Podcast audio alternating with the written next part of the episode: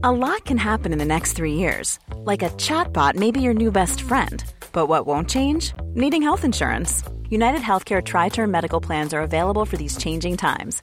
Underwritten by Golden Rule Insurance Company, they offer budget friendly, flexible coverage for people who are in between jobs or missed open enrollment. The plans last nearly three years in some states, with access to a nationwide network of doctors and hospitals. So, for whatever tomorrow brings, United Healthcare Tri Term Medical Plans may be for you. Learn more at uh1.com. Ready to pop the question? The jewelers at BlueNile.com have got sparkle down to a science with beautiful lab grown diamonds worthy of your most brilliant moments. Their lab grown diamonds are independently graded and guaranteed identical to natural diamonds, and they're ready to ship to your door. Go to BlueNile.com and use promo code LISTEN to get $50 off your purchase of $500 or more. That's code LISTEN at BlueNile.com for $50 off. BlueNile.com code LISTEN. Välkomna, välkomna, välkomna, Nej, välkomna. jag vill börja. Va? Jag vill börja. Ja.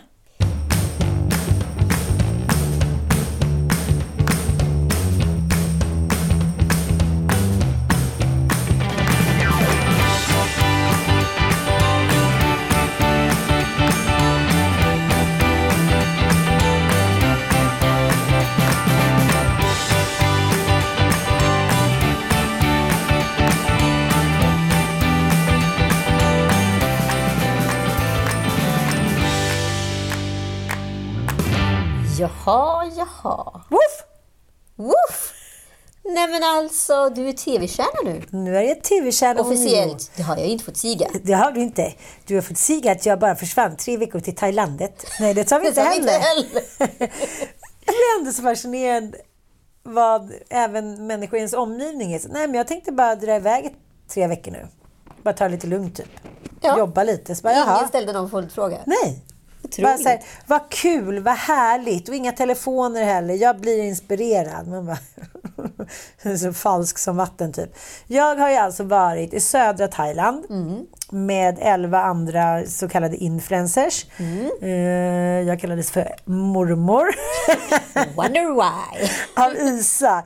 Isa och Tilda är ju två TikTok-profiler. Och eh, Isa är ju 19. Hon kallade ju Tilda 26 eh, för mormor. Mm. Och då är hon- du gammel, gammel mormor. Ja, när hon tyckte liksom att så här, men, åh, eh, gud vad du håller på, så här, vem bryr sig? Sluta vara som en mormor. Jag bara, vad är då jag? Gammelfarmor. Men mig kallar de för mamma. Gå med mamma. Och nu kom också, mamma kom också hem med benen fullvätna utav sandloppor. Nej men gud alltså. Jag, jag blev ju helt chockad. Jag bara vaknade upp på morgonen och hade typ 600 bett över hela kroppen. Nej men jag såg ut som en heroinmissbrukare Nej, men det är det blandat värsta jag med... sett. Också när vi satt och poddade här så ser jag hur en fluga, de facto, en liten sandloppefluga, kryper ut ur en av dina bölder på benen och flyger iväg. Och då trodde jag att jag skulle svimma. Plus att du satt och kliade också, så det var liksom en liten fnashög. Du var min dola.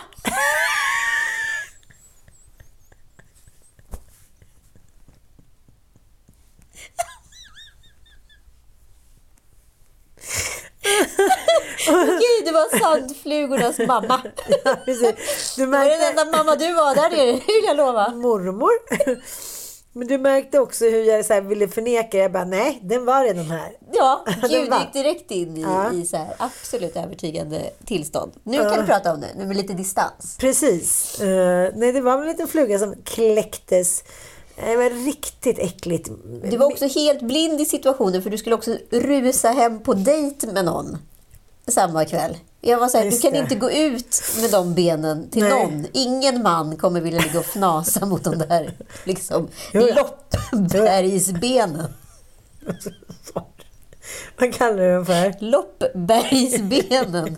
Det var ju små berg utav loppbon på hela dig. Välkomna in till museet. Välkomna till Naturhistoriska. Nej, det såg inte fräscht ut. Nej, det gjorde det inte. Och det Men det var liksom- däremot väldigt fräscht på premiärfesten. Liksom, festen. Det var jag. Mycket tjusig Magica de Hex-klänning och...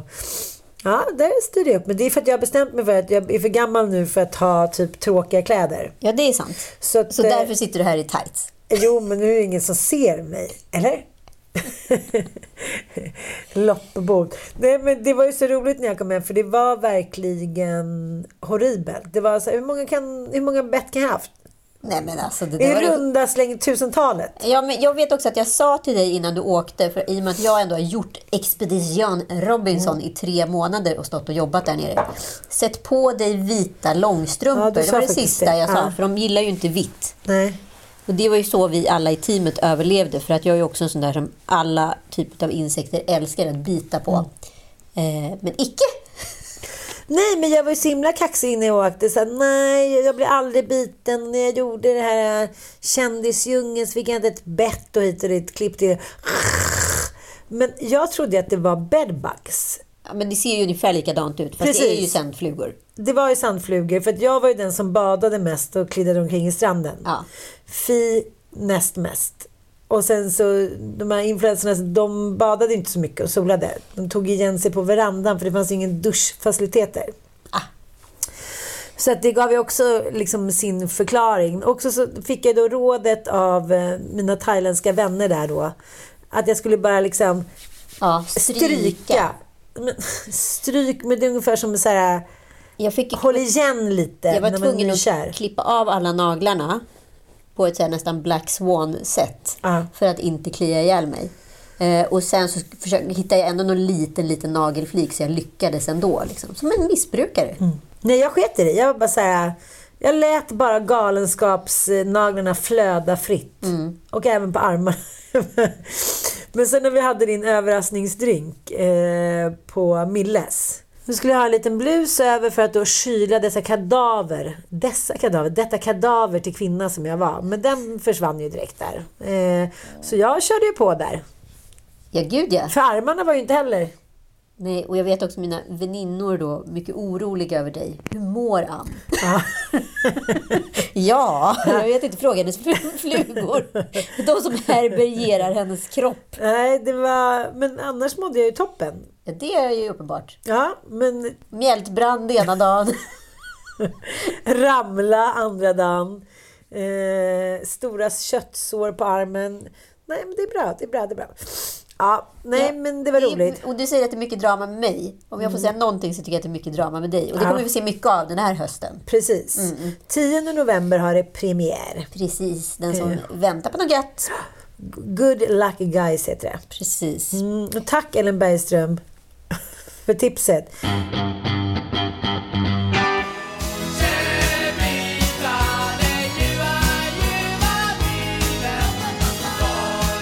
Noise, Gyllene Tider och Freestyle. Det här är så gammalt, till och med för mig. Ja. Men det var så tre konkurrerande band som var riktigt stora i Sverige samtidigt.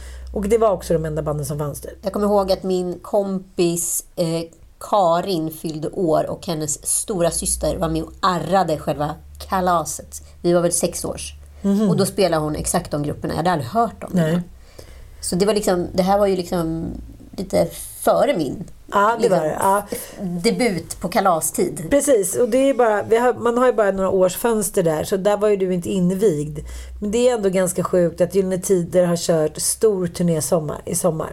Ja, men det är för att ni håller på och fortfarande tycker att de är kul. Tittar du på mig? Ja, men du är ju gyllene, du är ju gyllene tider. Du är ju gyll- gyllene tider Men jag var ju noise, men de har ju knackat ihjäl sig allihopa, så det finns ju liksom ingenting kvar att heja på. Nej. När Jenny Engström hade sin 40-årsfest, då var det ju spillrorna av noise som var på där. Det är deppigt. Ja, det var verkligen deppigt. Ja, fascinerande i alla fall att folk håller på. Jag eh, hade blivit inbjuden till detta. Oklart var. Vad var det för ålderskategori? Det här var alltså Grödinge, Malmsjö skola. Jag gick sex I års... Tumba, eller? Ja, jag gick sex års i Tumba. Det var ju då det bara var två killar. Magnus och Leslie. Fett populära. Typ raped i kuddrummet. Nej men de var verkligen det. Nej men de kan jag aldrig återhämta sig. Leslie fick åka med. Han var lite så som en engelsk adelsman typ. Finns det inget utbud då får ju alla åka. Ja, är ja, så är det. Och sen gick jag då med det här gänget som jag träffade i lördags. Ettan, tvåan och halva trean. Men de andra har då gått från sex års till ni, nian, det vill säga 15 år. Precis. Det är ju en lång tid i livet. Det är en jävligt lång tid i livet. Och eh, sen visade det sig när jag kom till klassåterträffen att det var fyra eller fem som hade börjat då i fyran. Några som hade dött, halkat av. Nej, nej. Alla stod stadigt. Alla stod stadigt. Eh, det var fascinerande. Jag måste Ja, få berätta. Ja, gud, jag måste bara, bara få en snabb recap. Jag har då blivit bjuden på en gammal jobb-reunion. Mm. Som jag inte kunde gå på på grund av Elgalan. Mm, Okej. Trist. Okej. Eh, Och en klassåterträff i Strömstad som jag verkligen ville gå på. Men inte kunde för jag hade precis fått Tom Allan. Okej, okej, Det okej. ma- makes sense. Eh, men ändå haft, känt ett, liksom, en otrolig konstig prestationsångest inför de här. Ja, det verkar ju väldigt vanligt. Men eftersom jag hade barnen så visste jag ju bara att jag kunde vara med en kort stund. Så jag kom dit typ så här och med någon regnjacka och vi skulle då spela boll. Du hade träningstights alltså. Ja, och munkjacka. Mm, ansträngt. Var det inte du som skulle sluta klä dig tråkigt sa du i, en andetag för två minuter sedan? Jo, det är bara att allting blev lite stressigt. Så tänkte vi ska spela boll det det och jag, blir med dig. och jag ska inte vara med på middagen. Så då tänkte jag, då hade ett par svarta tights och en svart munkjacka och en regnjacka. Perfekt. De andra var lite mer uppklädda, det ska jag erkänna. Fest. Fest. Nej men för grejen var att när jag skrev till Rickard som är min kontakt i bokvärlden så skrev jag så här. Eh, om du mot all förmodan skulle komma så har vi återträff med eh, Malmsjö skola på lördag. Jag Och här, han är alltså en vuxen kompis som har gått i samma klass. Precis, han gick ju i min klass. Lille Rickard Herold. Han är ju nu typ VD för Naturkultur. Ah, Och då sa jag, det är klart att jag kommer. Och sen så i lördags skrev han så här, om du mot all förmodan fortfarande vill komma. Jag var så här, då blev jag ju provocerad. Som att jag trodde att jag, vadå, varför skulle inte jag vilja komma? Tror, tror att jag ty- tycker att jag är för mer? just det. Förstår du? Ja, det var inte så att du hade glömt någonting. nej, Absolut inte. nej, absolut inte. Men jag hittade ju inte inbjudan. Nej, som du brukar vara för För du vet när jag blev hijackad, jag hette Jedzy. Eh, Ja, du heter fortfarande Weasley. Wesley. Då var det samma sak med Facebook, så då startade jag en massa konton. Så nu är det lite så här, jaha, jag vet liksom inte riktigt vilka konton som jag har och inte. Så att, ja, men jag har inte fått det i alla fall. Men jag åker dit, eh, lämnar barnen, eh, cyklar dit. De har redan börjat spela boll och eh, de skulle vara där klockan tre, jag kom vid halv fyra. Och jag går runt där då. Du eh, kom inte vid halv fyra, du kom vid fyra. Nej jag, kom, nej, jag kom vid halv fyra. Okej. Eh, och då, hade de, då stod ju de och spelade såklart. Och då är det kanske vid Brunnsviken där, men sex i Snabb onboarding ändå. Ja. Ja, från sig hej hej och nu tog alla varsitt klot och började köra. Inte vet jag, de stod och drack och kastade lite. Ja, Alla gjorde ju det. ja. Man hyr ju en timme, det är ju svindyrt. Ja. Det här är väl inga rikemanspellar som på Östermalmet. Det här är vanliga härliga människor. Jag bara, hej hej, vi har inte sett Inte varandra på tre... som du. Vi har inte sett varandra på 300 år. Skynda er till banan. Men de har ju setts hela tiden. Ja, okej. Ja. Det var. De hade ju återträff när de var 28. Exakt. Ja, okej. Så Och då var det ju rätt lätt att bara så här 20 år senare. Underbara polare. Jag vet inte, men de Ja, spelade ja. i alla fall när jag kom. Jag kommer, är ändå lite nervös såklart. Såklart du är. Men jag har ju, du vet när jag sa till mina barn, jag bara, många av dem har jag inte träffat på 41 år. Nej men exakt. Det var lätt svårt att komma hur hur alla Ja. såg ut. Gud, jag var med om en sån grej på gatan. Fan, jag fick en sån jävla skam. Aha, sido, sidospåret. Ja, nej men helt jag var plötsligt... inne i min- Ja, exakt. men Okej, det ja. var ju tangerat. Det är så det funkar Ja. i Filip och Fredrik-poddar och sådär. Så jag tänker att även du och jag kan vara lite flexibla. Ja, okej, sidospåret.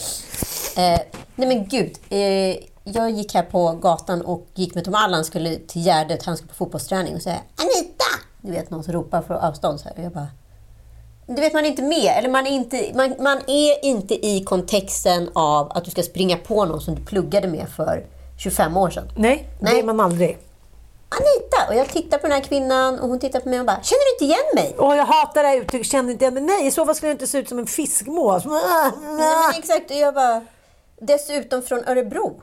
Vad, vad är oddsen att så här, hon skulle gå på min lokala gata och jag skulle springa på henne på väg till en fotbollsträning och jag skulle då direkt i ett, en och samma handvändning veta vem det här är och nummer två, eh, liksom bara kasta mig runt halsen på henne och säga så här, äntligen ses vi. Ja, alltså hon börjar liksom med en så här, negation direkt och jag blir väldigt tagen på sängen och får, hamnar direkt i någon så här, åh gud förlåt, ja, du vet så här. Istället för att man ska bara, nej, jag gjorde faktiskt inte det, jag har inte sett dig på 25 fucking år. Jag är ledsen. Jag, du tog mig helt off guard på en vardag på min gata och vi bodde, Med min son, ja, och vi bodde ungefär 20 mil härifrån och hängde för tusen år sedan. Mm. Men absolut, gud vad kul att se dig. Fan, dig har jag väntat på jävligt länge. Alltså. Nej men förlåt, jag blir så provocerad. Men jag vet. Och så så de där som ska vänta lite gör det till en så här fucking game. Ja men också så här, Joel sprang på liksom någon på gatan, också på våran gata, som bara Känner du inte igen mig? Och han bara, du vet, ingen aning. Suttit i möte med den här personen typ en gång. nej. Vad, vad, vad, varför måste man markera? Nej, Okej, tillbaka till Ja. Känner du inte igen mig? Ja. Så jag går in till eh, hovmästaren och säger så här, hej, jag söker eh, en klass från Malmösjöskolan. Jag tror att det är Rickard som sagt, hon bara nej, nej. Jag bara, nej men gud. Jag bara, är väl i Brunnsviken? Hon bara, nej. Jag bara, jo. Hon bara, är vi? Jag bara, okej, du jobbar. Vi kom fram till att vi var i Brunnsviken och eh, vi, vi gick ut tillsammans och kollade och jag var så här, nej men det här är så pinsamt. Jag bara, det här är liksom ett gäng massa barn och så såg jag så här, jätte Ja, men massa gråhåriga män och någon kvinna som satt i rullstol och någon jättegammal man. Jag bara kände så här, nej men det kan ju inte vara här. Så bara, Ann! Det är då ens liksom ålder så här, först, kommer ikapp en och man förstår så här, just det, vi har ju åldrats lite olika. Men det som var så intressant tycker jag, att det, kände, det man känner igen varandra på, det är ögonen. Att det var så här, du med de isblå ögonen, lilla, alltså, så, att den här energin med ögonen etsade sig fast. Ja, Men så var det några som jag bara kände så här, ingen aning. ingen aning överhuvudtaget. Men du vet, jag som också bytt skola. Eh, alltså först Örebro, sen Strömstad och sen Örebro igen. Men annan skola, du vet, jag skulle inte komma ihåg. Jag har alltså haft 90 då barn ungefär. Mm, jag med. Ja. Fram till sjätte klass. Ja, nej men alltså ska man komma ihåg alla och att man ens gått i samma klass så ska du inte glömma bort parallellklassen och allt vad det är. Nej, Liksom. nej. nej. Först var det en klass då, ettan till trean. Så var det en klass trean till sexan. Så var det en klass sexan. Mm. Så var det en klass eh, eh, sjuan till nian och en klass gymnasiet. Mm. Känner inte du igen mig? Åh. Nej, men det finns ju ingen som jag ens... Alltså man känner ju igen blicken som Helen som jag bodde på samma gata, Malin, Minna. Alltså de känner jag igen för att de hängde jag med hela tiden. Ja, ja, ja. Men eh, som tur var så var det att de som jag inte kände igen, flera, det var ju de som hade börjat i fyran. Och, och den där äldre, väldigt grånade mannen, det var ju deras lärare från högstadiet. Men det var så himla fint ändå och det var så roligt. För en kille som var typ så liten och gullig. Du vet så här, man höll ju på att gifta sig, var ihop. Och det, Magnus Bäckström var jag ihop med. Han gick i sexan kom vi på då. Det var mycket snack sådär. Eh, han kände jag absolut inte igen. Jag bara, oj, där stod en... Det var en snygg kille tydligen i vår klass, du vet. Ja, ja, ja. Ja, men väldigt, väldigt snygg liksom. Jag bara, det? Men det är ju Andreas, du vet. Han är så himla liten och tanig och bara så här, mm, lite rädd. Den där revanschen älskar man ju. Ja, han växte till sig. Och vet du vad som är så bra med den typen av människor? Nej. De får inte med sig den där kaxigheten att de var snyggast i plugget och wow, wow. De blev det senare. Ja. Så de har med sig ödmjukheten, de vet hur det känns. När ingen tittar, ingen finns där. Och är man då en bra person, då gör man någonting bra av det. Så det fanns liksom ingenting sådär, ah, här är jag, ska vara snyggast klassen och där är ni. Bara världens mest ödmjuka, gulliga människa. Nej, men jag, jag var liksom uppfylld hela helgen. De andra käkade ju. Jag var bara liksom med kanske en och en halv timme sen var jag tvungen att åka till barnen. Men de sa så här i början, om någon vill säga något spontant eh, om vår liksom, skoltid så är det bara att ställa sig upp. Så kan vi börja med Ann. Jag bara okej. Och då dök det upp så här, ja, men du vet, helt sjuka grejer som när skulle rädda de där mörtarna nere i ån vid skolan och eh, när Hare Krishna började integreras i vår skola. Oj, ja, just det. Det som vi alla var med om som var 70-talister. Ja, de hade ju ett jättestort center och har fortfarande ute i Grödinge. Och då skulle de här barnen integreras med oss. Och då började det med att de gick i våran klass. Men sen fick de inte det längre. Så utan de fick sitta ute i korridorerna. Oh my god. Nej men alltså vad är det här? Det är liksom sån jävla religionsrasism. För att jag vet inte om... Nej, Det blev liksom inte bra. Det var någonting med doften och att de inte kunde koncentrera sig. Men de satt alltså i korridorerna under några år. Och sen så en dag så blev vi utbjudna till deras center då, Hare Krishna Center. Kan inte du tänka, precis det som slår mig så många gånger när man liksom pratar om sin barndom. I och med att det har hänt så mycket, liksom, alltså, alls från teknik till med liksom, förståelse för olika människor.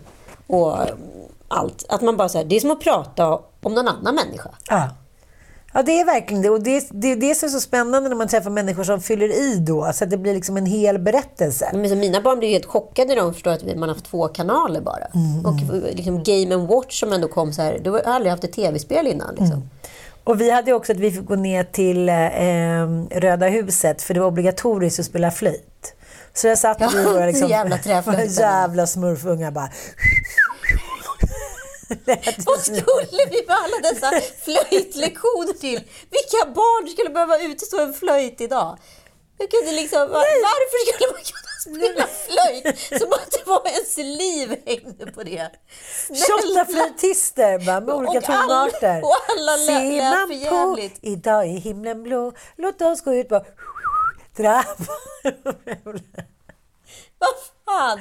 Och kom du ihåg han supervisslaren som Ja. var liksom som fucking Liberace, Jan Linde... Jan Lindblad. Jan Linde. Varenda Han unge. liksom alla blockflöjtsbarns gud. Och föräldrar som var så här, ja, det låter ju inte som Jan Lindblad direkt. Som att det var liksom, Nej, vi må- vi var måste någon jävla facit. Vi måste lyssna.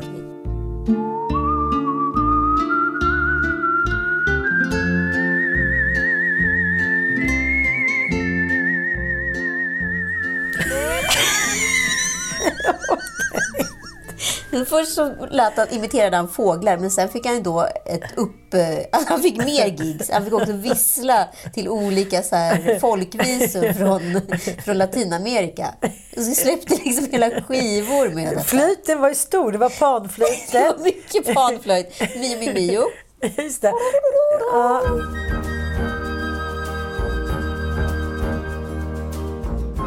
Han var ju naturfilmare. Jan Lindblad med tigern Rani. Det vill säga, på den här tiden när folk fick ha tigrar Man hemma. köpte Liksom. vilda djur på Harrods. Men det, det är helt otroligt. Nej, och det här har liksom hänt under vår livstid. Ja. Det är som att prata om det är som att prata om sina föräldrars uppväxt. Fast det är vår. Det är det här som är så sjukt. Ja, Jan blev en superkändis. Fast inte bara för sina filmer utan även för sitt äventyrliga liv. I sin iver att få filma en 4,5 meter lång anakonda kastar han sig över ormen när den försöker smita den lilla masken. Det blir en brottning på liv och död. Jan och hans sambo Pia Törn, kommer du ihåg henne? Pia Törn. De tar hand om två tigerungar från Kolmårdens djurpark. Vid Jans sommarstuga utanför Flen vänder de djuren vid ett liv i frihet. När ungarna blir större ska de släppas fria i Indien. Tigrarna växer och väger snart över 100 kilo. Då rymmer en av dem och kommer in i ett bostadsområde.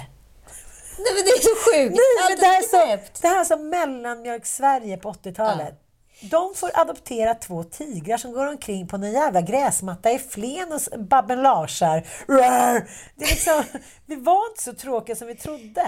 Nej, men det är jätteroligt till och med. Nej, men alltså det här coolt, är en annan era i livet. Jag, jag kan, det, det, varenda gång jag läser om såna här 80-talsnyheter så är det liksom nästan ogreppbart. Jag lyssnar på Claes Eriksson, du vet han ifrån Mm. Galenskaparna, som bara pratar. Han pratar liksom om egentligen det man ska säga som det faktiskt är. Den här klenoden utav konstiga grejer som har hänt i Sverige i närtid och närstrid. Liksom. Och vilket jävla informationskapital att hämta idéer ifrån. Det finns inte på samma sätt idag. För det Nej. händer inga knasiga grejer. Nej, alla ska vara så jävla ytliga och fina och ha kontroll och vara struckade. Och är det någon som går utanför den lilla ramen, då blir det ramaskri. Ja, men alltså, jag, jag, jag Man har för mycket att förlora. Ja, men jag har ju börjat skriva små anekdoter på Instagram. Det började jag med förra sommaren. Om, och det tror jag är liksom baserat på att mina föräldrar har gått bort så det finns ingen som kan berätta de här historierna. Och det är så bra, tror jag, att ha dem för barnen. Mm. Nej, men om de här konstiga karaktärerna i ur ens uppväxt. Liksom.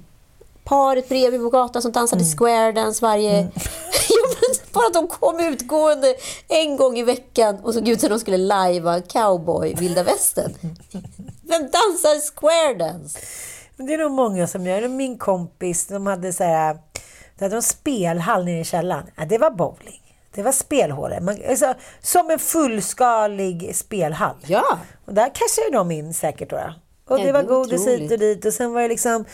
Där uppe var det någon porrfilmsmatinéer hela tiden med porrfilm, liksom tapes överallt. Nej men äckel-Sverige, kan man säga så? Ja, men, ja, men så här, bit, det bitterljuva Sverige. För Ja. att så här, mycket av det där är ju också... Alltså, vi har ju historier på ett sätt Mm. som jag tror inte mina barn kommer kunna berätta om våra grannar. För alla är så jävla, förlåt, normala. Liksom. Ja, när jag såg mina gamla klasskompisar och hur liksom på något sätt accepterande de var mot varandra. Eh, ja, men när de pratade om liksom sina tillkortakommanden, vad som hade blivit bra och vad som hade blivit dåligt så fanns det sån kärlek i dem som kanske för dem som hade haft lite tuffare. Och nu ska du till Thailand liksom, igen och bygga ett hus och det var så mycket problem där med din exfru. Nu har du gift om dig. Nej, men det kändes som att alla var så glada för varandras framgång. Ja, vad härligt. Och särskilt för de som kanske hade lite tufft och sen så kommit på banan igen. Det fanns en liksom en ungdomlig eh, liksom kärlek i det där på något sätt. Och eh, det var roligt för en av tjejerna berättade när de hade den här återträffen när de var 28. Då var det rätt många som hade kommit och var packade och alla skulle liksom pinka in revir och visa var skåpet skulle stå. Det var en helt annan känsla. Hon sa att det var både rörande men också så här... Det, det var fortfarande inte klart vem som var liksom... Man var fortfarande lite taggig på den tiden. Precis. Man hade inte slätats ner liksom, och accepterat. Nej, och alla gick in i sina gamla roller från skolan. Nu är det ingen som behöver det längre. Men om jag tänker tillbaka på, ja, som du säger, filurerna i min barndom och i min ungdom. Våra grannar och pappas och mammas kompisar och liksom släktingar och så här. Så känns det som att det fanns en helt annan accept- acceptans för att inte Att liksom... vara egen, för att få vara Ja, själv. Och ja, och vad är då egen? För att eftersom alla var egna då så blev det ju inte liksom, det blev ju ingen yta av det. Det blev inte så att någon stack ut utan ja, alla hade någon liten egenhet och det var okej. Men det, om, jag, om jag använder liksom någon form av samtidsbarometer, då skulle jag ju säga så här att eh, första sällskapsresan, du vet, när man är på eh, Gran Canaria. Ja. Där är ju alla karaktärer skrivna som små egna oaser. Och så mixas de då i någon form av smörgåstårta på den här grisfesten. Liksom. Eh, och det är fascinerande för att klippa då till SOS som bara är egentligen 10 år eller 12 år kanske från det datumet. Där alla blivit en mycket mer homogen grupp. Ja. Och det, där det är tydligt vad som är fint och vad som är fult. Mm, Och att vara eh, en egen person som Stig-Helmer är. För han är ju ändå liksom någon form av Ja, man hoppar i Stig-Helmers ryggsäck och så ser man världen utifrån hans perspektiv. Även om han också är en karaktär. Men det han är mycket mer tydligt alienerad i SOS som är liksom den här 90-tals framgångsfesten. Liksom. Där framstår han som ett misslyckat ufo typ. Ja, exakt. I speglingen i alla de andra. Där han också blir väldigt sympatisk då, för att han är det misslyckade ufot. Och jag tror att sen så försvann även Stig-Helmer. Sen köpte han också en, en liksom skärgårdsvilla och blev precis som alla andra. Och det är väl det som har hänt. Och jag tror att det som kommer vara liksom lycka och framgångsrecept i framtiden, det är att gå tillbaka till någon form av ursprung. Du hade ju lyssnat på ett eh, roligt samtal. Ja, men jag följer ju eh, Sarah Blakely eh, som startade Spandex. Det är de här eh, brallorna du vet. Som, Tightsen som ja, håller in. tights, ja. Hon sålde ju det företaget för typ så här en miljard för några år sedan. Mm. Började hemma och eh, liksom levde efter devisen så här. Jag säger ingenting förrän jag har lyckats typ. Och sen blev det här en supersuccé och eh, som hon sa, jag, sen den dagen, har jag, de första tio åren hade jag de brallorna på mig varenda dag. Ja. Ja, hon levde verkligen som hon lärde typ. Eftersom jag kan hennes historia lite så vet jag att hon var singel under väldigt många år. Hon försökte dejta och trivdes väl väldigt bra som singel men ja, ville väl träffa någon som alla andra. Och sen träffade hon den här Jessie som är en väldigt speciell amerikansk mångsysslare kan man väl säga. Eh, han har blivit känd för att han gör de mest liksom, eh, ja, märkliga sportutmaningar. Och eh, ska vi lyssna lite på vad hon säger då i en, de sitter i en så här klassisk tv-soffa typ. You know, we got married much later in life. So I was 37 when I married Jesse, and I was getting married for the first time. And he was 40, getting married for the first time. We were old enough and had been down this journey of dating a lot of people that we knew that this was special and that we didn't want to squander it and we wanted to prioritize each other even though he lived in New York and I lived in Atlanta. And I would say the biggest secret to any relationship is let the person be wholly who they are. Yeah, I wasn't looking for Jesse to fulfill me or complete me. He wasn't looking for me to fulfill him and complete me. I was just like, wow, this is a super amazing human who's going to be fun to go on this ride with. And you know, I want him to be 100% himself. And I told you backstage that when I first started dating Jesse, he was running 100 miles and he actually had just completed it. He ran 100 miles without stopping. And everyone I would say, I'm dating a guy and he just ran 100 miles. He ran for 23 and a half hours without stopping. Everyone would always ask me the same questions Really? How did he pee? What did he eat? And I was doing a filming with George Foreman, the boxer, and I told George, and I'm kind of expecting the same response. And he looked at me dead in the eye, so serious, and he goes, Sarah, don't try to understand a man like that. Just love him. and I was like, done! Dels så tycker jag att eh, det är jävligt spännande att höra deras historia. För att någonting som är så väldigt tydligt, som hon säger också. Jag förväntade mig inte, jag var liksom snart 40, jag förväntade mig inte att det skulle komma in någon snubbe och förverkliga mig och rädda mig och göra mitt liv liksom fulfilled. Utan vi bodde i olika städer, men, men den här mannen älskade jag och jag ville vara med honom och det skulle bli kul för oss att hänga med på varandras resa. Ja, alltså hon har ju alltså lärt sig älska någon utan att ändra på någon. Precis. Vilket är, liksom, vad kan man kalla det för, vår samtidsrelationers stora farsot. Att man Mm. tror att någon är mer facit än den andra för att den är moraliskt mest anpassad eller framgångsrik, vad nu det är. Återigen förvirring utav lycka och lyckad. Liksom. Jag vet.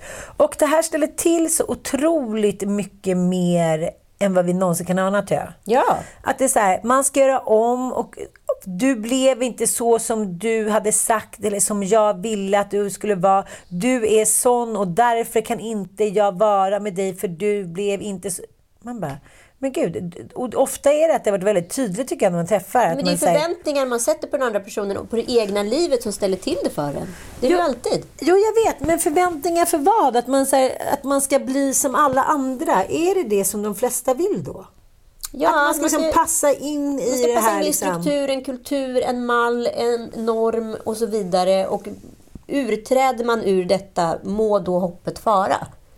Jo, men problemet är ju med de männen jag har varit tillsammans med så har det ju varit det de har blivit extremt förälskade i. Min energi, min glädje, att jag har, kan älska många, att jag kan koka soppa på en spik, att jag kan förändra vardagen, kan dra, dra med dem i, liksom, i drömmar. Men sen så på något sätt på vägen så blir liksom... De tappar sin egen identitet Ja. i det. Och, då kan de inte, och det märker ju inte jag, för jag kör ju på i vanlig ordning. Men det krävs ju också så här, det är ju också en utmaning i relationer att kunna behålla sig själv och kunna vara liksom jag-stark och inte bli för påverkad av en partner. Och i Jessies fall då så är ju de särbos, som jag förstår det. Ja, inte längre. Nej, inte då längre, men de det. var Ja, det ja. under rätt många år. Och jag tror att det kanske också så här att vi, så fort vi blir ihop med någon så flyttar vi ihop med någon och så blir man rätt fort en enhet. Liksom. Eh, jag ska inte säga att jag och Joel är liksom superolika på alla sätt längre, men vi var ju det rätt länge och jag tror att det som sker när man inte skaffar barn med den personen man lever länge med, det är att man kan fortsätta behålla någon form av identitet i relationen. Eh, alltså behålla sig själv i relationen och inte bli ett vi direkt. Och folk idag längtar ju efter viet, men jag skulle säga så här, fan, varför längtar man inte efter jaget? Ja, och eh, samma sak där. att Så, skriv en lista hur du vill att din nästa partner ska vara och inte vara hit och dit. Jag, bara säger, jag vill mycket hellre skriva en lista hur jag inte ska vara och ska vara med nästa partner. 100 procent. För att jag vill inte förändra någon människa mer. Jag vill att vi såklart att vi ska växa ihop på ett sätt. Att vi ska säga ja, men, du vet, respektera och älska varandra och därför liksom matchas ihop, eller man ska säga. Men aldrig mer det här att någon flyttar in och sen efter några veckor sen är man på smällen och sen är man där och sen hit man dit. För att det är väldigt svårt för den som också flyttar in eller som är med den som kanske känner fler människor, kanske har ett liksom större kontaktnät, kanske är mer utåtriktad, att behålla sin egen identitet och utveckla den tillsammans med en andra. Och särskilt som jag då, som redan hade tre barn. Mm. Det krävs väldigt mycket liksom pussel och energi och mod att liksom ta ett steg tillbaka. Hit och, dit. och det är ju nästan till omöjligt under småbarnsåren. Ja, men plus att som världs och livsnormen har sett ut under många år så är det så här du måste flytta ihop, för det kräver samhället av dig. Mm. Eh, det är skitsvårt att köra på själv, liksom, mm. eh, om du har tre barn. Det är helt omöjligt egentligen. Den ekvationen går ju inte. Och, och då så förväntas också samhället att eftersom du är kär då och har träffat en ny man, då ska du också direkt producera nya barn. Mm. Så att så här, de här normerna, liksom, om, vi, om vi kan våga differentiera och förstå vad det här är vad samhället egentligen begär av dig. Mm. Det är egentligen inte vad du begär av dig. Nej. Men du tror det. Det rör ihop, återigen, lyckad mm. och lycklig. Liksom. Ja, verkligen. Och, när man börjar kunna separera de här och säga så här, det finns en skillnad. Det behöver inte vara samma sak. Nej. Det är då först tror jag man kan nå någon form av insikt i relationen. Mm. Och sen just det här som jag tycker fortfarande att så många relationer hamnar i. Att den ena liksom så här, går på äggskal för att säga ja, hur mår hen nu då idag? Och nu ska vi se liksom, hur vi ska anpassa oss här och vi ska tassa på tå hit och dit. Istället för att man bara säger så här, vet du, just nu, jag mår inte särskilt bra beroende på ditten och datten. Kan du ge mig lite tid? Kan vi hjälpas åt? De här behoven har jag. Och de tipsen får man också, eller råden när man separerar. Blanda inte ihop nu någonting. Berätta inte för honom vad du, vad du känner. Gegga man bara så här, Istället för att man kanske säger så här. Vet du, just nu känner jag... Jag får inte ihop det. Nej. Jag mår inte så bra. Eh, det här är svårt för mig. Den här nya rollen, att vara ensamstående. Vad som helst.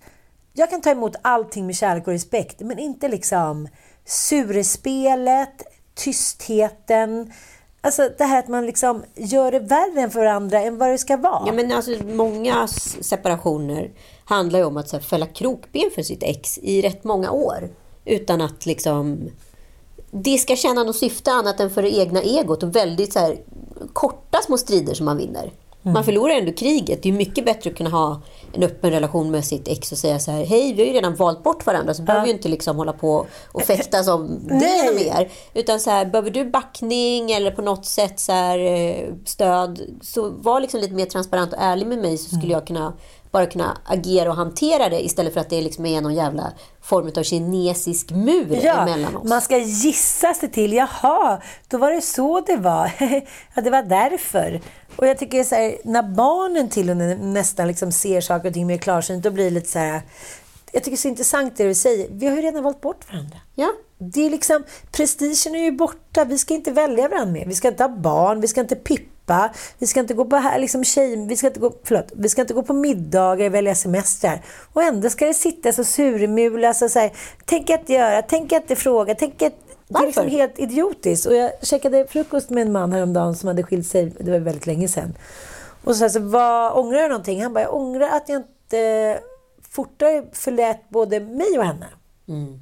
För det som hade blivit. För när man är mitt inne i så är det väldigt svårt att se de här tydliga mönstren man utvecklar. Den ena ska rädda den andra till exempel, eller vice versa. Eh, och vad, vad, har man att tjäna på att gå omkring och sura och tjafsa i tio år innan, innan liksom man kan samarbeta, då är barnen redan stora. Typ. Ja, nej men ja. alltså totalt menlöst ur Så jävla menlöst. sammanhanget. Ja. Men, för det är intressant det där som du tog upp förra gången, att vad skulle man störa sig på eh, med partnern om det skulle ta slut? Och då sa jag just det här med, slipper jag se honom sitta där med gröten. Och så gick jag och tänkte lite på det.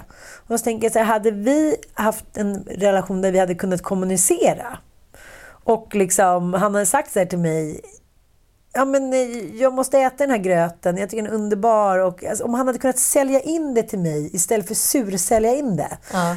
jag har blodsockerfall och mm, jag blir så stressad på morgonen. För att när han ställer in det på det sättet, då är jag ju Det är redan red- en negation. Det är redan negation. Så då har jag taggarna utåt. Och så tänkte jag så här, nej men gud, egentligen är det ganska gulligt, tänkte jag.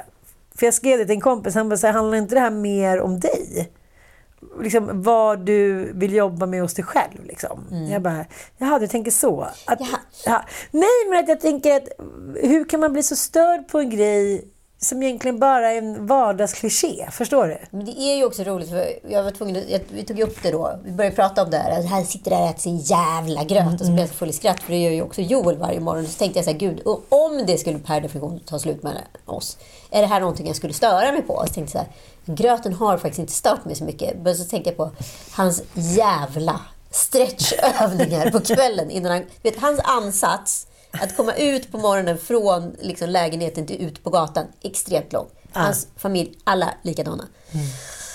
Och hans ansats att komma till sängen från ett avslut. Från att man typ lämnat så här, soffan och bestämt sig för att nu ska vi gå in och lägga oss och typ kolla på en serie ihop innan vi somnar eller vad det nu är. Eh, alltså från toaletten, badrummet så är det liksom, eh, det är som en snitslad bana. Det är en stafett till sovrummet. Nej, nej, nej. Vad gör han på Nej, men vad vägen då? gör han? Ingen det, vet. Nej, men ingen vet. Först ska det då typ, eh, ja men kanske ska rakas lite. Eh, sen kanske det ska då tandtrådas. Sen ska det borstas tänder. Sen ska det sköljas med munskölj. Sen ska det smörjas in olika ämnen på kroppen. Eh, lite i ansiktet, lite på kroppen här och där. Sen börjar då stretchövningen. nej, nej, nej. Det är alltså ett stretchprogram han Det är följer. nya Stig-Helmer. Nej, men det är nya Stig-Helmer. Du vet, jag är så arg. Ah. Du vet, när han ligger här och liksom gör här knäck. Och, han har ju jättemycket problem med lederna. Jag förstår ju rent, rent teoretiskt varför han måste göra det. Men då pågår då det här liksom, passet med olika rehabövningar i kanske 25 minuter. Nej! Nej men du vet, det är så provocerande så att jag, eh, jag vet inte vad jag ska ta vägen. Så när han väl då lägger sig i sängen, då är han så här, jag är så trött, välj på, du får kolla på vad du vill. Eller kan jag kolla på någon sportdokumentär? Det har alltså tagit en timme för Ja. honom. Nej, nej, nej, du förstår inte. Vi pratar liksom mellan 50 minuter till en timme. Från att vi har bestämt. Det, det, det, det, vet, alltså, så, och, och så sa jag det till honom och så var han så här. Och jag var så här, men du skulle väl inte störa på så mycket hos mig? Han bara... Don't get me started. Sen kom en lista, kan jag säga. En lista jag inte var beredd på att få Nej. kastad i ansiktet. Det är typ som du, det är så här, låt liket kallna. Verkligen! Verkligen! För jag hade en grej som jag var så här, det här kommer jag störa på. Han hade kanske 20 grejer. Nej! Låt oss höra listan.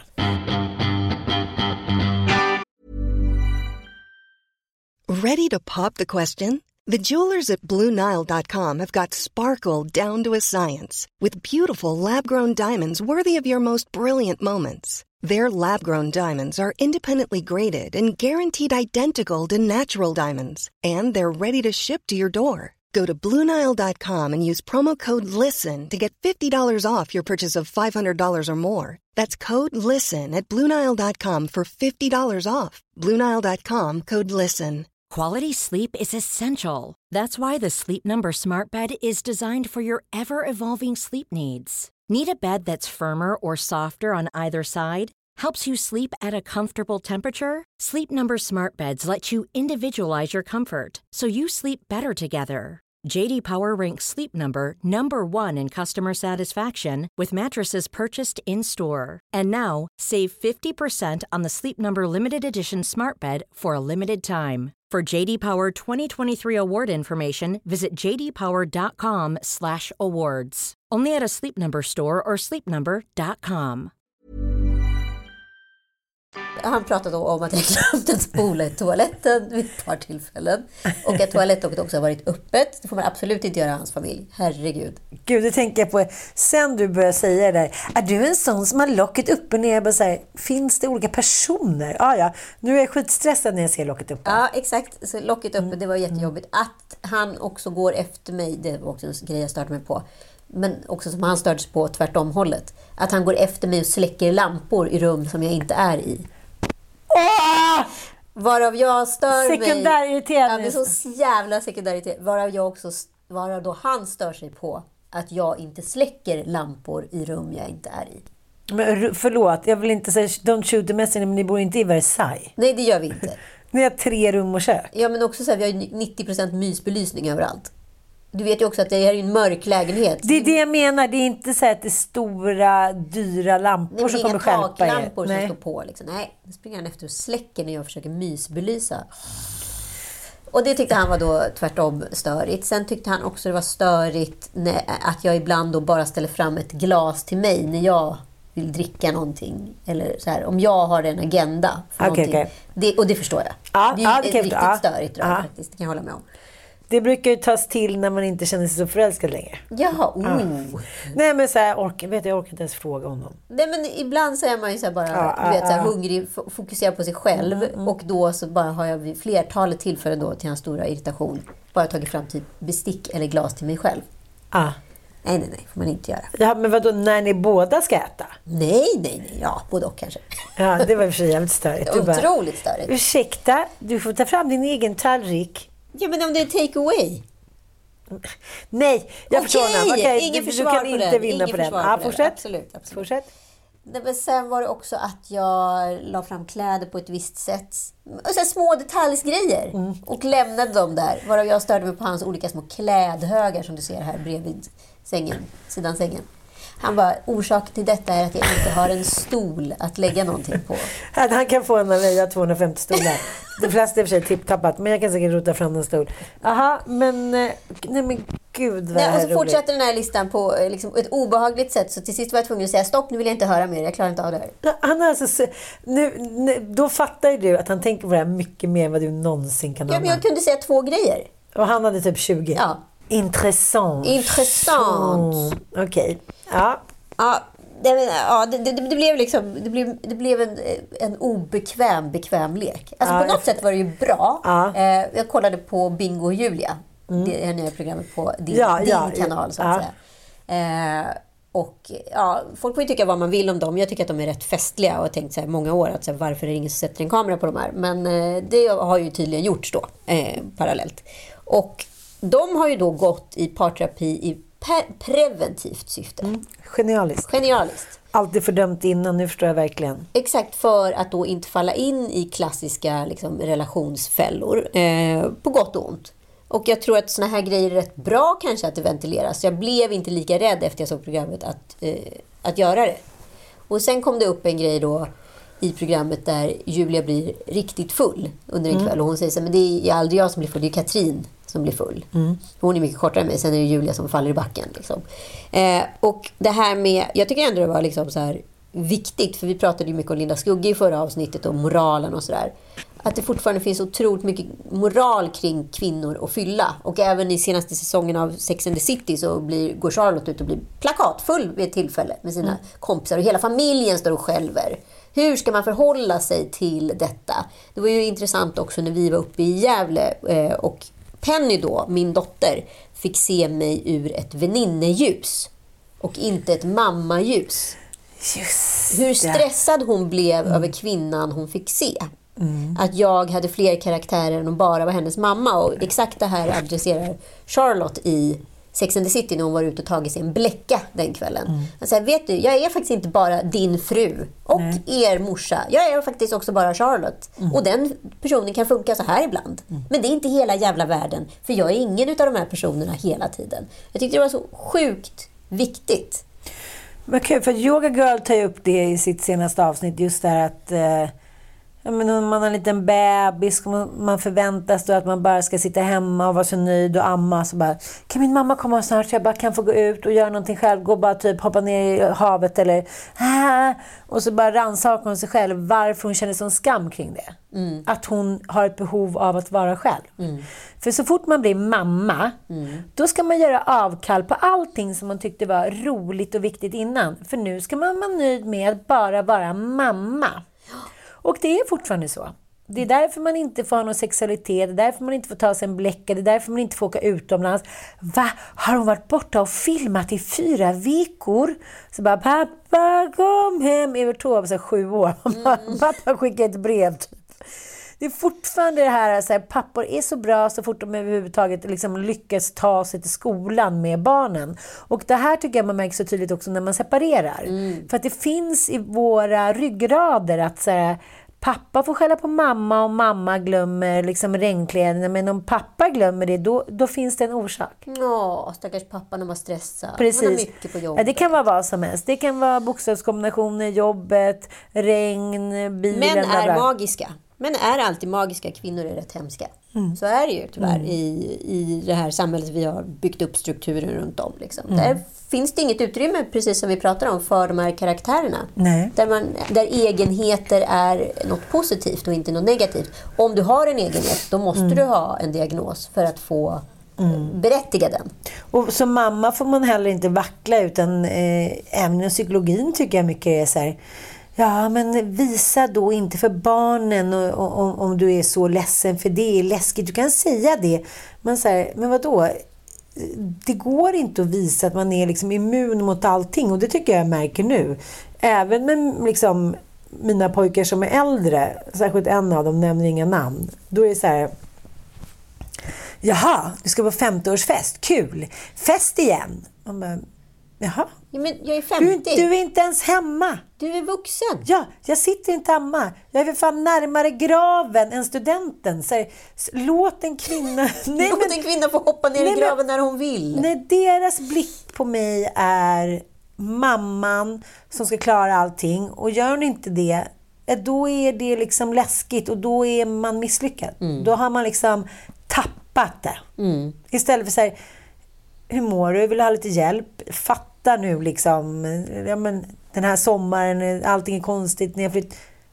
Visa lite jävla fucking sympati, snorunge. Ja, nej, nej, nej, nej, nej. absolut Mm. inte. Och jag, jag tycker faktiskt den jag, nya säsongen utav And Just Like That, det heter ju inte Sex and the City längre, eh, har hittat tonen jämfört med säsongen innan. Jag måste ju kolla ja, första När det där stod och trampade och man inte riktigt visste, man var så rädd att trampa på Mm. tårna så man blev nästan liksom... Det, det var o, jag klarade inte av mer än tre avsnitt, sen stod jag liksom inte ut över det här otroliga liksom, PK-miljölandskapet de försökte ha en distans och icke-distans till. Men nu har de helt hittat tonen. Nu har de liksom vågat blomma ut som det klassiska Sex and the City fast i ny tappning.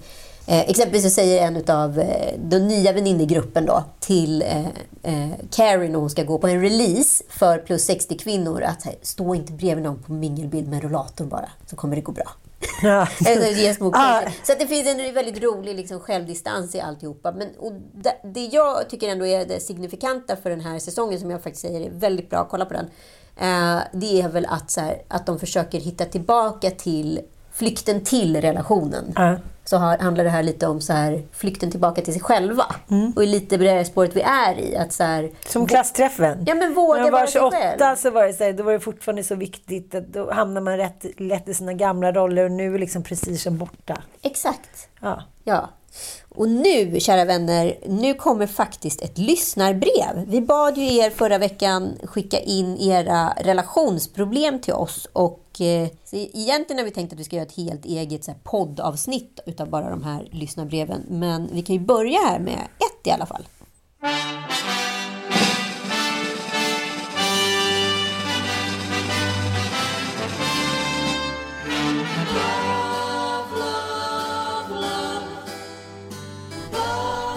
Hej! Relationsdilemma. Hur får man sin väninna att göra slut med sin hopplösa kille? Han är otrogen, ljuger och har lurat henne på pengar men varje gång han blir påkommen ser processen likadan ut. Hon flyttar hem till mig några dagar, gråter och säger att den här gången är det över. Några dagar går, de träffas, pratar ut, har sex och så går det tillbaka igen. Gaslightning, ursäkterna och hans beteende haglar. Han betalar faktiskt tillbaka när han blivit påkommen. Vi hade en dålig period när han var otrogen och så vidare. Vad ska man som väninna göra? Oh.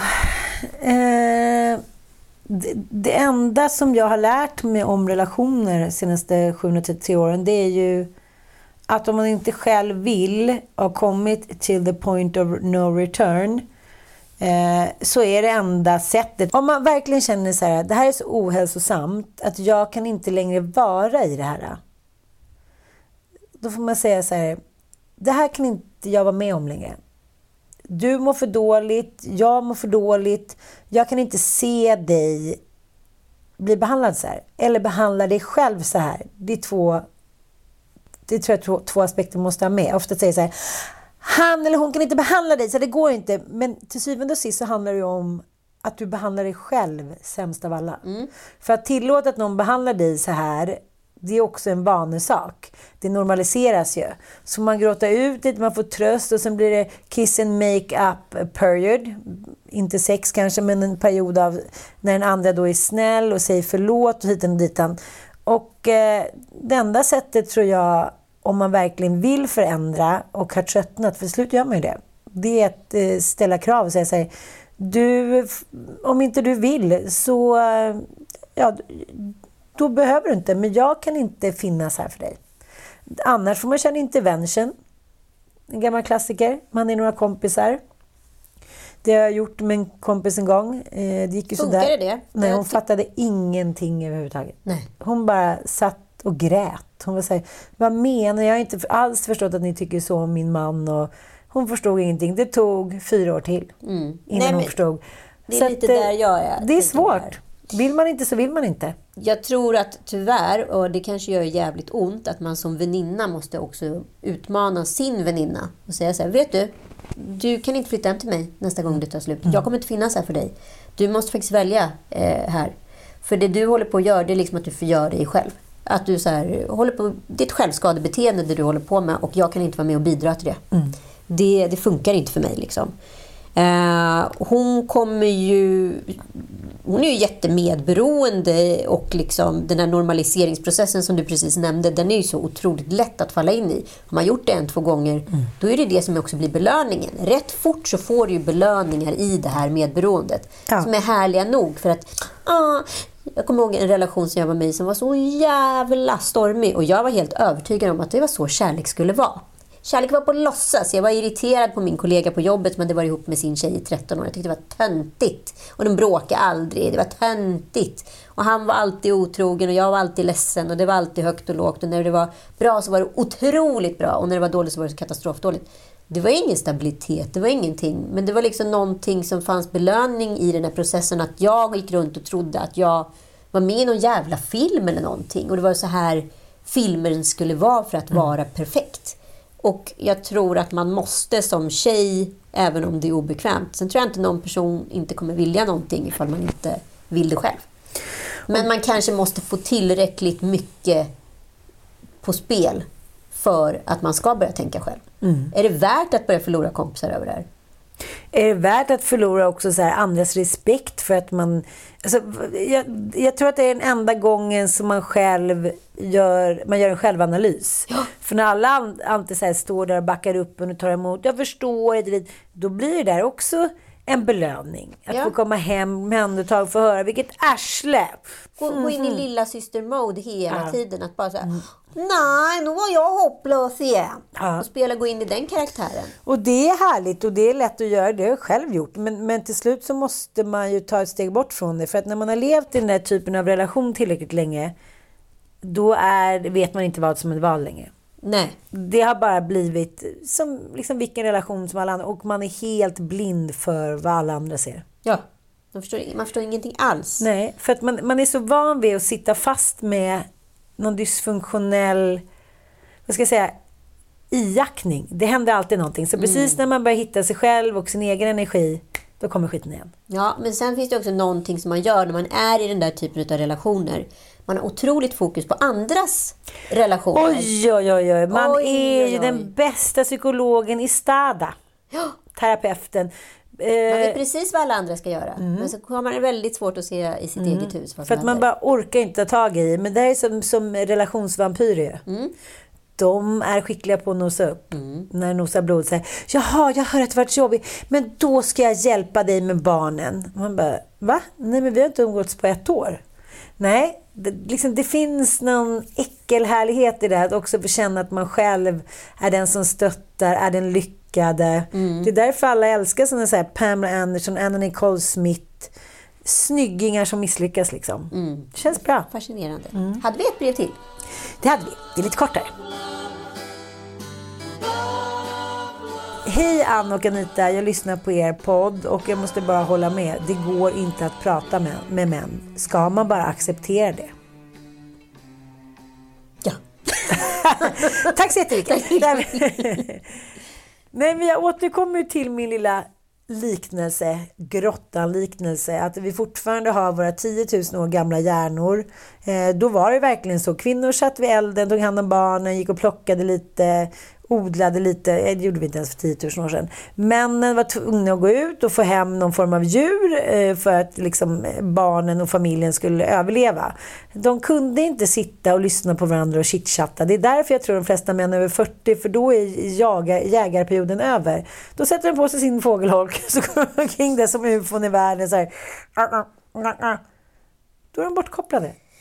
Många. Många. Som inte är liksom eh, som har den spegeln att säga okej, okay, jag fattar. Vi får ta någon kurs, vi får gå ut och springa, vi får fråga andra hur de mår. Men fågelholkarna verkar som de per automatik sätts på runt 40 för män. Ja, men jag tror också, förlåt, här tycker jag faktiskt att vi kvinnor också har ett ansvar, inte en skyldighet, men ett ansvar. Om vi börjar exkludera män för att de inte vill lyssna, Mm. Då kommer de ju inte förstå att de måste lyssna. Nej. Så att så här, det är viktigt hur jävla pantat eller osmart eller provocerande det än må vara. Eh, att få med dem i samtalen och få dem att säga saker och våga tala. För jag tror många män också är rädda att göra fel i kvinnoväsendet. Mm. Att säga, ja men vad jag än säger så blir det fel, hon blir arg och hon blir missnöjd. Mm. Ja, då kanske man bara slutar prata. Och så går man med i någon jävla eh, pingisförening istället och skjuter lite boll och tycker att allting är toppen. Och det är så man kommunicerar. Fågelholkmännen. Men det där tycker jag är återkommande. Jag har många män som säger så här jag är så rädd blir, för att ja, göra fel. Ja, ni blir så arga när jag säger det där. Det var ju bara min tanke. Det var så jag trodde att det här problemet skulle lösas. Det var så jag trodde att det här berodde på. Man bara, men gud, har du ingen koll eller? Vadå, du, du tror att det beror på det? Du tror att alla par har det så? Men jag tycker också så, när, vi har ju suttit med i några så här samtal med män runt bord. Och varenda gång då män ska yttra en åsikt om någonting som ska vara liksom allmängiltigt mm. eller någonting som är kvinnligt. Då blir ofta så många kvinnor upprörda mm. eh, liksom på männens åsikt. Så jag fattar ju också varför de tystnar. Och här är det väl att så här, vi måste, även fast man får bita sig i liksom tungan ibland, så måste man acceptera de dumma åsikterna och dumma svaren. Mm. Eh, för att så här, aha, vad spännande du tycker så. Men vad tror du om det här? Liksom? Att man mer försöker landa i diskussionen än liksom, konflikten. Ja, och det pågår ju 24-7. Jag pratade med en kompis och hennes man för bara några dagar sedan att vi kvinnor, även om vi är på jobbet och kanske inte känner någon så väl, eller vi är på något kalas, så pågår samtalet hela tiden. Mm. Ja, jag är separerad. Jaha, men jag kommer ihåg när jag gjorde det, då gjorde vi så här. Man bara, men gud, 5-5, det är i och för sig en bra idé, som du sa till mig idag.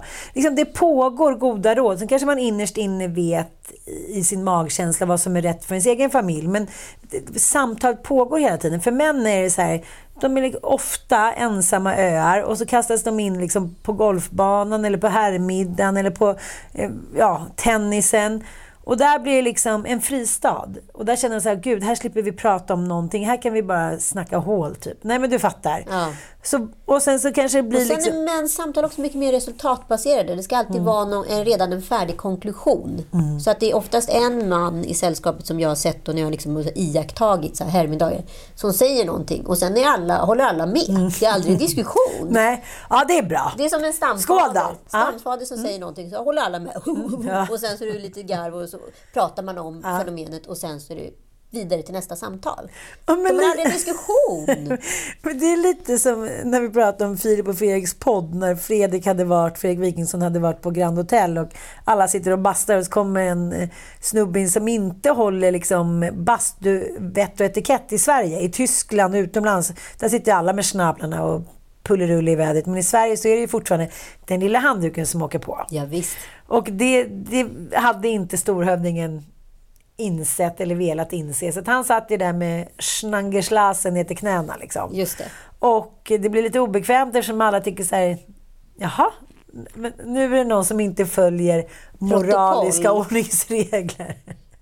Och sen så säger eh, Fredrik efteråt, det kommer en kvinna då som kommer in där och ska fixa med handdukarna och precis har då eh, storsnabben badat i en liten isvakspool och kommer upp och så här, åh nej, otur!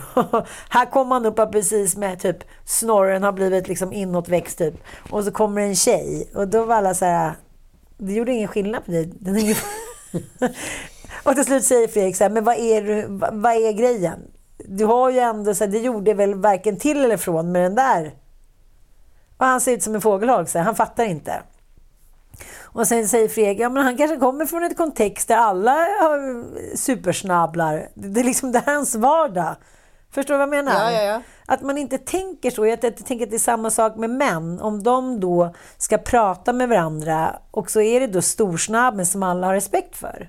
Och då säger han någonting och då är det en sanning. För ingen vågar riktigt gå in i liksom, jaha, men andra kan man inte göra så här då? då?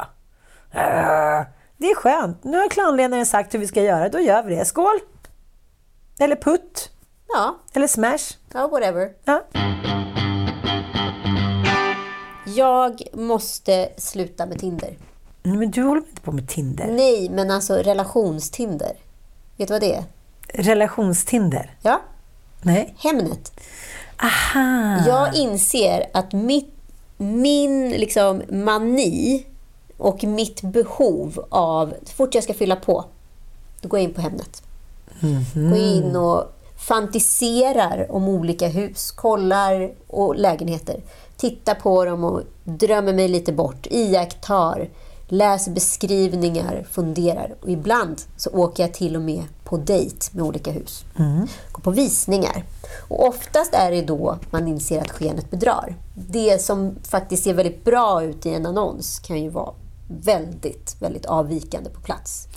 Men det är väldigt intressant för nu har det varit lugnt ett tag. Mm. Men ett tag för något år sedan då var det hysteriskt. Det var hysteriskt. Det var budan hit och dit och fram och tillbaka. Men jag har aldrig hört dig i stort sett komma från en visning och tycka att det var tippen toppen. Nej, men problemet är ju att vi trivs ju så fruktansvärt bra här. Så Mm. att det ska ju till något otroligt för att vi ska flytta. Jo, men när du berättar om, om liksom dina Tindervisningar då framstår det som att det är hus som har liksom blivit helt felkonstruerade. Att det går knappt att gå in genom dörren, så uselt är. Oftast är det så. Ja. Så att egentligen är det här en förklädd dating för Ja. dig. Ja. Det är en förklädd dejting för mig. Mm, Men du vet ju själv, du, vi pratade ju om det innan, att så här, du, man ser något litet torn och så tänker man att alltså, livet blir bara bra om jag får tornet. Men det är alltid detaljen och jag tror att det är så i relationer också. Jag tänker hur jag har blivit kär liksom, eh, i mina relationer. Då har det ju varit Ja, men någonting. Ja, Där satt han och rökte i en golfbil, så då var jag kär. Eh, där hade han lockigt hår och eh, dansade, kär. Alltså, Fast du har ju, om vi går tillbaka till liksom husen så vet ju jag också, vet ingen kvinna som har använt frasen bara jag får det där huset så kommer allt bli bra. eller lägenheten. Eller lägenheten. Alltså det är ju alltid Ja. Innanför de där fyra väggarna, då kommer allt annat bara också falla på plats. Ja, det är det som är så underbart. magiska boendet. Det är så jobbigt när man har testat så många boenden. Och insett att den där sanningen inte riktigt stämde. Precis, det hjälpte inte med den där lilla verandan eller den där sjöglimten i det där lilla tornet. Så du har ju egentligen, liksom, du har ju egentligen haft mer relationer med fastigheter än vad du har haft med män. Ja. Fastigheterna har jag ju blivit förälskad i och liksom gjort vad som helst för att behålla. Ja. Det vet jag inte om jag har gjort med männen. Jag är ju Det här väldigt... är galet! Jag har en fetisch. Vi har en oväntad fetisch. Ja, men det är ju, alltså, jag, ju mer jag tänker på det ur ett Tinder-perspektiv, ju mer inser jag att jag täpper igen mina relationshål med hjälp utav Hemnet. Ja. Du är en Hemnetknarkare. Ja, jag är en Hemnetknarkare på riktigt, fast jag, är ju liksom, jag har ju en relation. Alltså, så här, Jag går ju in på dejter med olika hem. Ja, Det är så obehagligt. jag vet. Jag måste liksom sluta med det. Jag måste lägga ner den här appen ett tag. Ja, jag tror Jag får det. lägga den på Du har hyllan. för förbud. Du ska ha en vit månad. En vit, Ja. en vit Hemnet-månad. Ja. Det här är liksom på Nej, jag riktigt vet. en Nej, utmaning jag för mig. vet. Ja, herregud. Men det är därför jag, jag vet i det state of mind som jag är nu. Mm. Jag, jag, när jag ser Hemnet så är det så här. Jag håller mig så långt borta. Men skulle vi köpa det där huset igen? Nej, vi ska inte köpa några hus. Tyst! Vi ska inte gå in överhuvudtaget. Vi ska hålla oss utanför. Men du, hur går det då med din Hot Girl Summer för att av, eh, liksom, runda ihop den lilla säcken? Är den över eller är den på? Det, det höll på att öppnas upp i lördags. Oj! Mm, men där säger jag stopp och belägg. Jaså? Men Var det bullen? det var, det var mycket lördags, bullen och det var technofest. Och det, nej, men jag, jag känner så här, nu har det gått maj, ja, juni, maj, tre, den klassiska tre månadersregeln. Nu är jag lite trött.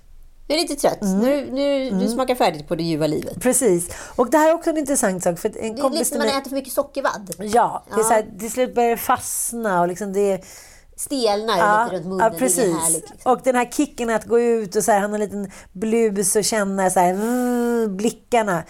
Det är den jag får på fotbollsmatcherna nu. Nej, men jag kanske faktiskt ändå kan tänka mig att, att gå på en liten dejt, tänkte jag faktiskt. Så inga mer bortamatcher. Nu blir det alltså bara hemmamatcher. nu blir det neutral mark. Ja, ja derby. Oj, oj, oj, oj, oj, oj, oj. Nej, men jag kände för första gången på många dagar att så här, ja, men jag kanske kunna gå och ta en kaffe med någon.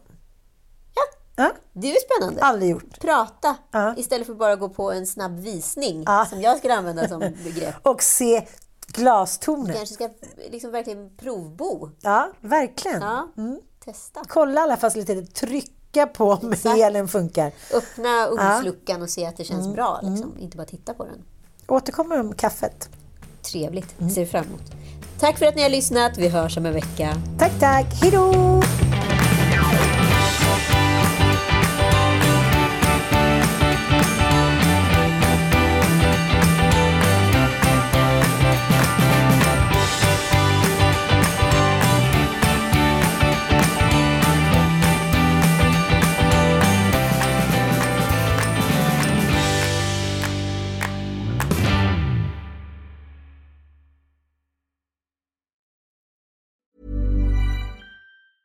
Even when we're on a budget, we still deserve nice things. Quince is a place to scoop up stunning high-end goods for 50 to 80% less than similar brands. They have buttery soft cashmere sweaters starting at $50, luxurious Italian leather bags, and so much more.